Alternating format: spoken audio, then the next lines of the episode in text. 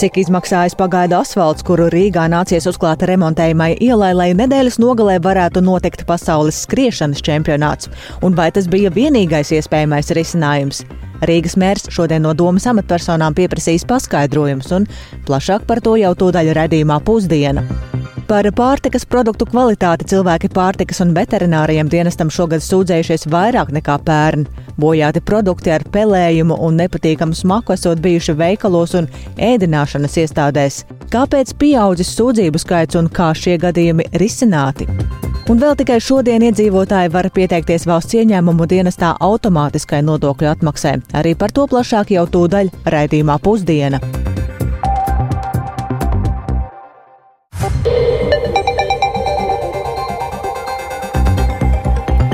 Ir 12,5 minūtes skanējuma sāk ziņu raidījums pusdiena ar plašāku skaidrojumu par šodien, 2.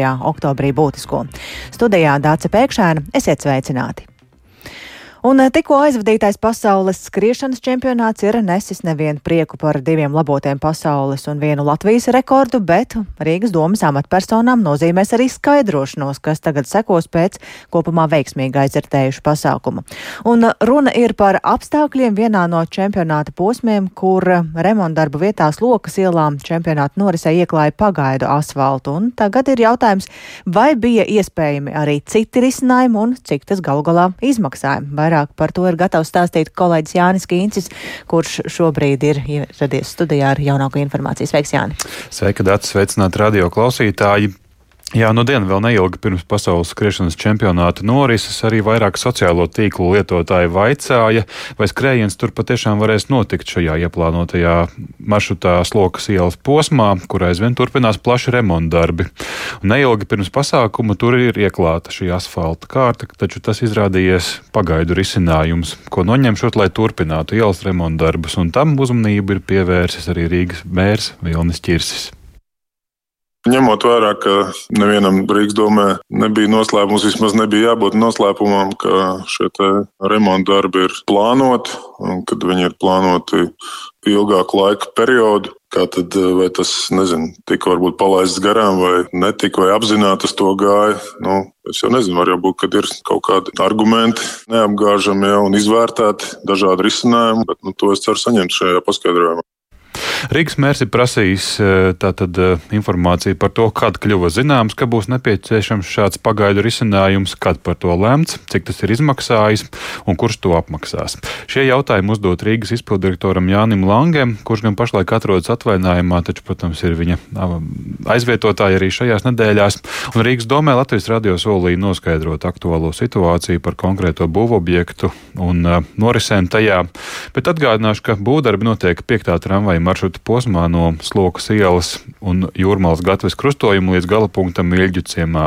Un šī projekta būvdarba pasūtītājs ir uzņēmums Rīgas satiksme, un Latvijas radio uzņēmumā noskaidroja, ka no eh, Eiropas Savienības fondiem finansētais būvprojekts noritot atbilstoši noslēgtajam līgumam, un attiecīgajā posmā būvdarbus ir plānots pabeigt līdz gada beigām. Tātad eh, Tad tomēr šis pagaidu asfalta klājums sloks ielas posmā neilgi pirms oktobra sākumā notikušā čempionāta liek secināt, ka tas ir ārkārtējs risinājums, lai viss ieplānotais maršruts būtu pieejams skrējējiem.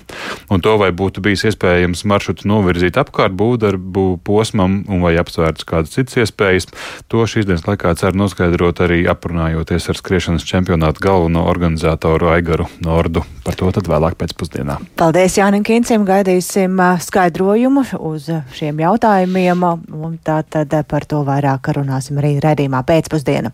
Bet šobrīd turpinām ar citiem notikumiem. Vēl tikai šodien var pieteikties automātiskai nodokļu atmaksai, un tas attiecas uz vairākiem tūkstošiem iedzīvotāju, kuri ir saņēmuši valsts ieņēmuma dienesta vēstules par to, ka viņiem ir nodokļu pārmaksa, bet nav pildīta ienākumu deklarācija.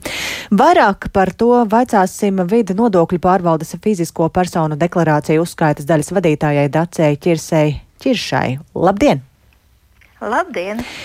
Cik daudz eh, vidi šādu vēstuli izsūtīja un eh, cik daudz cilvēku uz to ir šobrīd reaģējuši? Nu, šogad mēs izsūtījām 81,000 šādu vēstuļu. Daļa bija sūtīta elektroniskā veidā, un daļa sūtīta tika papīra veidā. Šobrīd atpakaļ esam saņēmuši jau 7660 iesniegumus, kurus mēs turpmāk arī izvērtēsim. Kāda ir tā kārtība šobrīd? Es saprotu, ka nodokļu atmaksu varēs saņemt tie, kuri ir um, saņēmuši šīs vidu um, vēstules, gan elektroniski, gan arī pat papīra formā. Um, šo atmaksu var saņemt. Uh, nu, Pirmkārt, mēs uzrunājam šos cilvēkus, kuriem mūsu rīcībā esošās informācijas veidojas pārmaksa.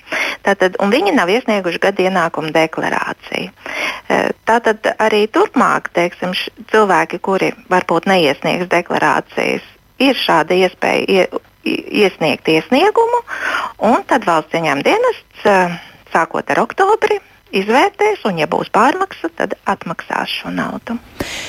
Bet par cik lielām summām mēs šobrīd runājam, ko cilvēki varēs atgūt vidēji vismaz, vai tie ir pāris eiro, vai desmiti, vai simti eiro? Nu, to es jums tā precīzi nevaru pateikt, jo šīs summas var būt ļoti dažādas. Tas ir atkarībā no katra individuālās situācijas, no tā, cik daudz gada laikā ir maksāti nodokļi un kā veidojas šis aprēķins. Pašlaik šī informācija vēl nav zināma. Bet es saprotu, ka šodien ir tā pēdējā diena, kad vēl var pieteikties. Ja šodien nokavē, kas notiek ar to naudu? Vai tā paliek valstī, vai kāda ir tā tālākā kārtība? Ja gadījumā šodien arī kāds vēl neiesniedz šo iesniegumu, tas nozīmē to, ka naudu pārmaksu par 2022. gadu var, varēs saņemt, iesniedzot gada ienākumu deklarāciju. Tātad. Tātad nauda nekur nepazudīs, tikai šajā gadījumā ir jāiesniedz gada ienākuma deklarācija. Tātad tas vairs nenotiks automātiski, bet iespēja Jā. vēl ir saņemt. Vai mēs ar šādu automātisku naudas atmaksu varam rēķināt, rēķināties arī nākotnē, un vai tas nozīmē, ka varētu mazināties to cilvēku skaits, kuri pilda šīs deklarācijas? Jo tomēr, nu, droši vien tas ir viens no iemesliem, kādēļ vispār cilvēki aizpilda deklarācijas, lai saņemtu nodokļu pārmaksu.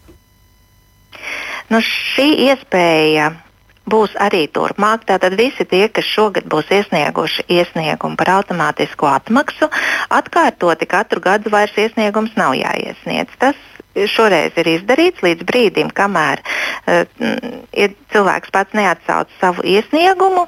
Mēs, uh, tātad valsts ieņēmuma dienas skatīsies, vai viņam veidojas pārmaksa, neiesniedzot deklarāciju un izpildīs uh, šo procedūru. Uh, Tātad um, tas nav tāds vienreizējs gadījums, tas ir nu, ilgstošam laika periodam šobrīd, nu, kamēr šī likuma norma būs spēkā. Uh, teiksim tā, ar šo automātisko atmaksu tātad liela daļa cilvēku iesniedz uh, gadienākumu deklarāciju, iesniedzot attaisnotos izdevumus. Tad es gribu vērst uzmanību uz to, ka um, automātiski netiek atmaksāti attaisnotie izdevumi par izglītību, medicīnu. Ja kāds no nodokļu maksātājiem grib atgūt savu iedzīvotāju ienākumu nodokļu pārmaksu par šiem gadījumiem, tad ir obligāti jāiesniedz gada ienākuma deklarācija. Tātad šī kārtība paliek spēkā, tad automātiska nodokļu atmaksa ir tikai tajos gadījumos, ja nav papildu izdevumu par medicīnu un izglītību. Jā, jā. Paldies par sarunu, teikšu valsts ieņēmuma dienestā pārstāvē Dacei Čirsei Čiršai, un tā tad vēl šodien var paspēt pieteikties automātiskai nodokļu atmaksai, un ja tas tiks izdarīts šogad, tad uh, nākamgad um, arī pie līdzīgas situācijas tas vairs nebūs jāatkārto, jo bidam jau būs dati par jums. Par eh, notikumiem cita vieta pasaulē Turcija ir veikusi aviācijas triecienus teroristiskā grupējuma Kurdistānas strādnieku partija jeb PKK bāzēm Irākas ziemeļos. Tie notika pēc tam, kad grupējums uzņēmās atbildību par vakar notikušo uzbrukumu Turcijas iekšlietu ministrijai. Analītiķi pieļauj, ka Turcija šo terora aktu varētu izmantot kā kārtējo iegānstu, lai vēl neratificētu Zviedrijas pieteikumu dalībai NATO. Man studijā šobrīd pievienojas kolēģis Uldis Česberis ar plašāku skaidrojumu par notikumiem Turcijā. Sveiks, Uldi! Un saka, kas tad ir zināms par Turcijas militāro operāciju Irākas teritorijā? Jā, labdien! Nu, Turcijas aizsardzības ministrija ir informējusi, ka tās gaisa spēku iznīcinātāji ir veikuši uzlidojumus aptuveni 20 objektiem Irākas ziemeļos esošajā Kurdistānas reģionā, un ministrija apgalvo, ka aviācijas triecienos ir likvidēts liels skaits Kurdistānas strādnieku partijas jeb PKK kaujinieku, kā arī ir iznīcinātas viņu um, izmantotās pazemes, ejas, slēptuves un ieroču noliktavas. Uh, Turcijas valdība arī norādīja, ka militārā operācija Irākas teritorijā notika ievērojot um, apvienoto nāciju organizācijas statūtu 51. pantu, kurā ir minētas dalību valstu tiesības uz uh, pašaizsardzību.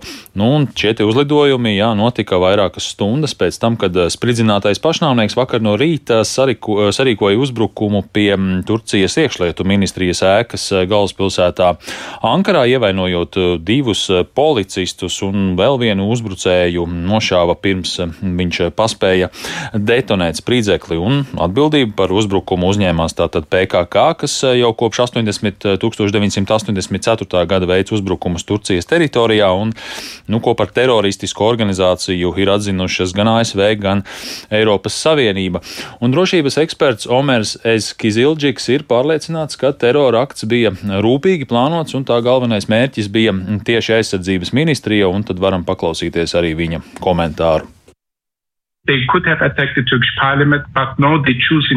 Viņi varēja uzbrukt Turcijas parlamentam, bet nē, viņi izvēlējās iekšlietu ministriju, un uzbrukums notika svētdienā. Darba dienās tajā rajonā apgrozās diezgan daudz cilvēku, bet svētdienās tur ir maz cilvēku. Tas nozīmē, ka uzbrucēja mērķis nebija nogalināt pēc iespējas vairāk civiliedzīvotāju, bet uzbrukt tieši iekšlietu ministrijai. Visticamāk, ka tā bija Kurdistānas strādnieku partijas atbild uz iekšlietu ministrijas nesenajām drošības operācijām operācijām, kuru laikā policija arestēja vairākus ar Kurdistānas strādnieku partiju saistītus tā dēvētos žurnālistus, aktīvistus un pat narkodīlerus un ieroču tirgotājus. Šajās operācijās tika iznīcināts arī nozīmīgs Kurdistānas strādnieku partijas kaujinieku tīkls.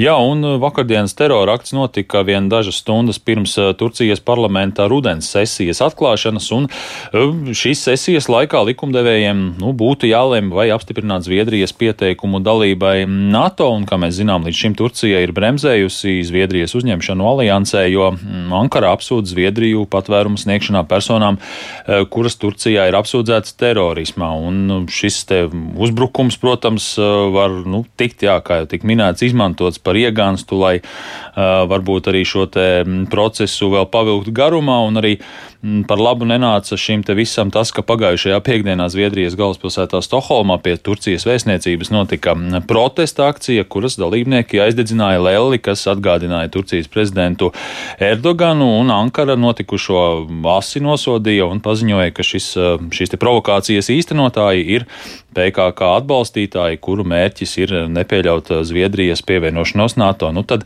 sekosim līdzi un skatīsimies, kā tad, kā tad būs un vai Turcijas parlaments beidzot beidzot tomēr nolems par to, kas notiks ar Zviedrijas dalību NATO.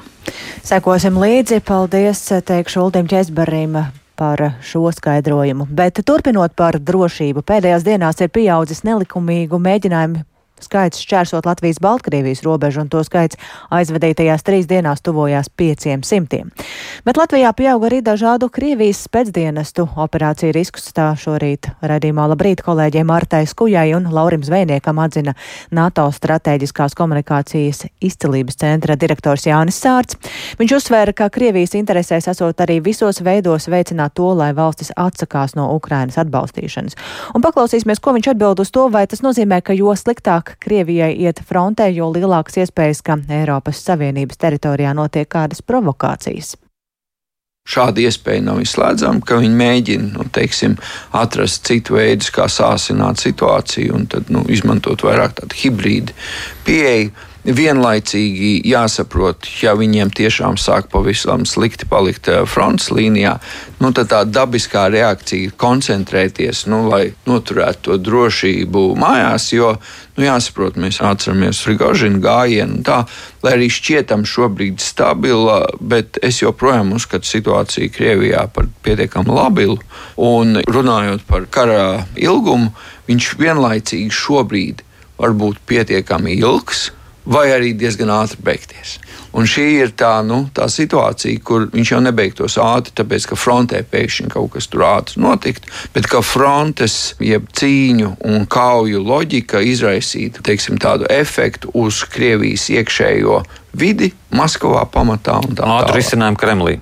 Jā, iespējams. Nu, tas nav izslēdzams, bet mēs redzam tieši tā Prigožina nu, sacelšanās un dažādu varas struktūru reakciju uz to, norāda, ka situācija īstenībā ir trauslāka nekā varbūt no ārpuses mums šķiet. Tas varbūt jāstāsta no iekšpuses, no tā, kas notiek Eiropā, kur prokremliskie spēki ne tikai bauda plašas atbalsta funkcijas, bet nu, pat uzvar vēlēšanās, Slovākijas parlamenta vēlēšanas, nu pat jaunākais gadījums. Ir virkne valstu, kurā Krievijai ir spēcīgas pozīcijas, un tas vienmēr iet roku rokā ar to, cik spēcīga ir Krievijas propaganda šajās valstīs, un Slovākija vienmēr ir bijusi tā valsts Eiropā, kurā, lai arī līdz šim bija proeiropeiskā un pro-ukrainiska valdība, nu, tās kopējās pozīcijas vienmēr tika vērtētas kā tādas šķobīgas šādai valdībai. Un, nu, šis principā ir tāds savā ziņā loģisks iznākums. Tur arī tā propagandas spēja sniegt dažādas Slovākijas iedzīvotājus ļoti augsts.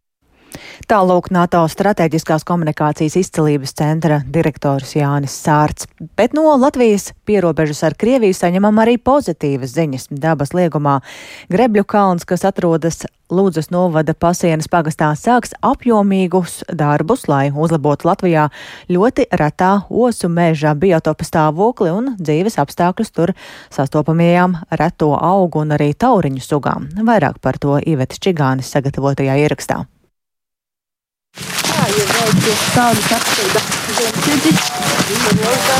Dabas liegums Grebļu kalns ir gandrīz 5,5 km gara līkumaina osu grēda, ko vietējie sauc par āža muguru. Tas atrodas starp diviem ezeriem un paceļas līdz 30 metriem par apkārtnes mežiem un purviem. Jā, paplašināsim tos atvērumus nedaudz, tādu dab, dabisku robežu veidojot. Un tiks izsirstas lasdas, pāga, pamešs, un tad būs ļoti skaists skats uz ezeru. Grebļu kalna nogāzes ir stāvas, un saules stari vasaras vidū apspītās gandrīz perpendikulāri. Taču gadu gaitā izaugušais pamešs, tā skaitā eglis, kuplie lazdu krūmi, sūnas, sākušas mainīt dabas lieguma īpatnējo mikroklimatu un arī augu valsti. Stāsta Latvijas valsts meža Ziemeļlatgales reģiona vides plānošanas speciāliste Diana Marga. Dabas liegumā Grebļu kalna šī aizsargājumā osu biotopā ir konstatētas eh, retas augu sugas, kā piemēram smiltāju esparsete. Suga ir atkarīga no traucējumiem. Viņa nevar augt ēnainās vietās, tur, kur nāk lazda, kur izveidojas biezs sūnu slānis, un uh, suga ir atkarīga no gaismas. Tātad mēs mēģināsim uzlabot šos apstākļus, noņemot krūmu stāvu, veicot šo augsnes mineralizāciju, dedzinot ciršanas atliekas, radot vietu šīm aizsargājumām sugām. Šis pasākums ir domāts gan aizsargājamo sugu, šos apstākļu nodrošināšanai, tā skaitā arī dažādu kukaiņu un tauriņu sugu aizsardzībai. Kā viens no piemēriem šīm aizsargājumām esparsetēm dzīvo tāds esparsešu zilenītis, un tā ir vienīgā atradne valstī, un kopš 13. gada pēdējos apsekojumos tas vairs nav konstatēts. Lai pēc iespējas saglabātu osa ekosistēmu, visi plānotie meža strādes darbi līdz pat sīkumam saskaņoti ar dabas aizsardzības pārvaldi, atzīmē Latvijas valsts meža Ziemeļlatgales reģiona meža strādes iecirkņa pārstāvis Kaspars Rudovičs. Pavlovičs, un jau tagad atzīmētas vietas, kur uz osa atrasti retie augi un krūmi. Tāpēc tehnika strādās tā, lai pēc iespējas saglabātu reto ekosistēmu. Mežstrādes darba procesā tiks izmantota standarta tehnika. Tie būs vidējās klases harvesters, saucamais krājas kopšanu harvesters, mazjaudas krājas kopšanu harvesters un uh, harvesters, kas aprīkots ar kniebēju galvu. Tie mežstrādes darbi sadalīti trīs posmos. Tas pirmais posms tas ir eh, darbs harvesteram ar kniebēju galvu, kur tiks novākts apaugums. Apauguma novākšanu veiksim tik tālu, cik tīri fiziski tehnika to var izdarīt. Pēc meža strādes sekos dabas lieguma sakopšana un labiekārtošana. Ierīkojot skatu laukumus, soliņus, speciālu fotografēšanās rāmju uz sakopta biotopa un ezeru fona. Kā stāsta Vitālijas Ramanovs, meža infrastruktūras un ugunsdzēsības speciālists, notiks arī speciāla zaru dedzināšana. Tie osu meži arī ir tie meži, kuri veidojās dabiski no ugunsgrēkiem, kad uh, dega viss pamešu paauga, bet tieši priedi, kas izturīga pret uguni, viņi izturēja to ugunsgrēku, un tā ir veidojas tie osu meži. Līdz ar to mēs nu, savā veidā mākslīgi to varam panākt. Protams, visi tie dedzināšanas darbi notiek ārpus uguns nedroša perioda. Mums jau ir arī citos biotopus pieredze, kā dedzināt tās visas lietas. Pašlaik uzsākta tikai neliela daļa dabas lieguma grebļu kalns atjaunošanas un sakārtošanas darbu. Paredzēts, ka tie turpināsies līdz 2025. gada izskaņai. Uz darbu laiku drošības nolūkos apmeklētājiem būs slēgta pastaigu taka. Iveta Čigāne, Latvijas radio studija Latgalē.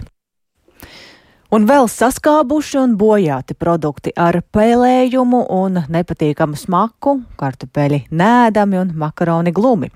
Šādas un līdzīgas sūdzības par pārtikas produktu kvalitāti veikalos un ēdināšanas iestādēs šogad ir saņēmis pārtikas un veterinārais dienests.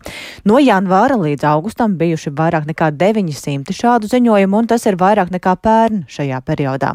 Latvijas tirgotāju asociācijā atzīst, ka īpaši nelieliem pārtikas veikaliem šobrīd netrūkst izaicinājumu, tomēr sūdzības par pārtikas kvalitātes nodrošināšanu gan bieži esot nepamatotas. Un, lai stāstītu par šo tematu vairāk, mums šobrīd pievienojusies kolēģe Sintīja Ambota tiešaidē. Sveika, Sintīja, un saki, kādas sūdzības tad pārtikas un veterinārais dienests saņem tieši saistībā ar pārtikas kvalitāti veikalos un ko dienests gal galā ar tām iesāk? Sveika, Dārcis! Sveicināti klausītāji! PVD pārtikas izplatīšanas uzraudzības daļas vadītāja Vineta Grīmberga iezīmēja, ka no šīm kopumā 900 sūdzībām te 600 saņemts tieši par pārtikas tirdzniecību, taču PVD veicot pārbaudas secinājis, ka tikai 66 gadījumos šīs sūdzības izrādījušās pamatotas. Galvenokārt sūdzības tātad par augļu un dārzeņu kvalitāti, kā arī par svaigu gaļu un gaļas izstrādājumiem. Un, konstatējot produktus ar beigušos termiņu dienests piemēro sodu, bet runājot par dārziņiem, tad jau pārbaužu laikā veikala darbinieki pāršķirotos dārziņus un sodu šādā situācijā nepiemēro. Varam paklausīties dienas teiktajā. Tieši, ja mēs runājam par tirsniecības uzņēmumiem, tad uh, vairāk ir tieši par bojātiem pūšiem, svaigiem augļiem, par uh, gaļas izstrādājumiem, gaļas produktiem, par pelējumu, nepatīkamu smaku vai saskābis, vai, piemēram, ir arī bijis tā, ka ir uh, tirgota veca karpa. Un nu, vairāk ir tiešām par to kvalitāti, piemēram, par tiem pašiem augiem dārzeņiem, ka bo, tirgo bojātas pūšas, tie arī apstiprinās, kas arī šobrīd ir uh, septembrī izteikti, kā mēs saprotam, ir šīs te augļu mušiņas. Nu, jā, tur tā ir veikala darbinieki, arī tā bojāta augu dārzeņu nepāršķirošana un tirgošana bojāta. Ja runājam par tiem, ka bieži vien, kad viņi iegādājās un apgumēs, tur arī būs veikala vaina, jo, piemēram, atverot iepakojumu, viņš tomēr ātrāk bojājas. Tā arī var būt. Ja būs ieskābis, nu, tur var skatīt gan veikalu, gan ražotāju. Ja, piemēram, prot arī transportēšanu, iespējams, ka transportējot nav bijusi atbilstoša temperatūra. Savukārt um, Latvijas tirgotāju asociācijas vadītājs Henriks Danusevičs norāda, ka veikalniekiem pat laba netrūks dažādu izaicinājumu, jo mazumtirdzniecības apgrozījums krītas, ieņēmumi sarūk, uh, darba spēka izmaksas pieaug un bija jāievieš arī depozīta sistēma, kas eh, radīja papildu izmaksas un slodzi pārdevējiem, taču viņa prāta pārtikas kvalitāti tas neietekmē un sūdzības bieži ir subjektīvas, par ko liecina arī tas, ka apstiprinās mazākā daļa no tām. Varam paklausīties viņa teikto. Darbinieku trūkums ir tikai tajā, ka nav resursu, un tas arī dārgi, lai visu pārtiku pāršķirotu. Īstenībā, kā tā kaste vai piemēram ar tomātiem tiek atvesta, tā pamatā viņi ir arī tiek arī izlikta.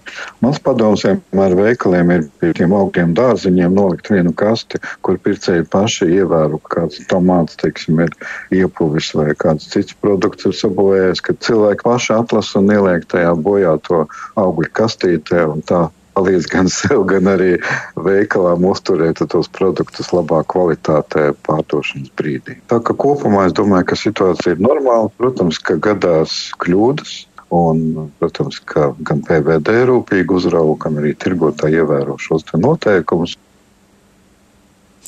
Nu jā, un vēl no šīm sākumā pieminētajām 900 sūdzībām atsevišķi jāizdala sabiedriskā ēdināšana, kur sūdzības par ap 300 uzņēmumiem par to, ka ēdiens nav pietiekami termiski apstrādāts, tam ir kāda neraksturīga garša, smarža vai konsistence, un piemēram par ēdināšanas uzņēmumiem skolās un bērnu dārzos sūdzības, ka ēdiens ir bez sāls, makaroni glumi, rīsi ir pārvārīti vai piedeguši, ko savukārt pārtikas un veterināriem dienestam ir sarežģītāk konstatēt, un tur tad biežāk ir šīs varbūt subjektīvās savās sūdzības. Uh, un runājot vēl par kopainu, salīdzinot ar pagājušā gada astoņiem mēnešiem, šogad šajā periodā pārtiks jomā saņems par simts sūdzībām vairāk, un šo pieauguma tendenci PVD skaidro ar to, ka cilvēki pēc Covid pandēmijas ierobežojuma perioda arvien vairāk vienkārši dodas uz veikaliem un ēdināšanas iestādēm klātienē. Paldies Sintējai Ambotai par šo skaidrojumu. Tātad eh, sūdzību daudz, bet tikai neliela daļa no tām ir pamatotas, un ar to tad arī skan raidījums pusdiena, ko producēja Ilze Aginta. Ierakstus montēja Renāša Steimanis par labskaņu rūpējās Rīta Karnača un ar jums sarunājās Dāca Pēkšēna. Yeah.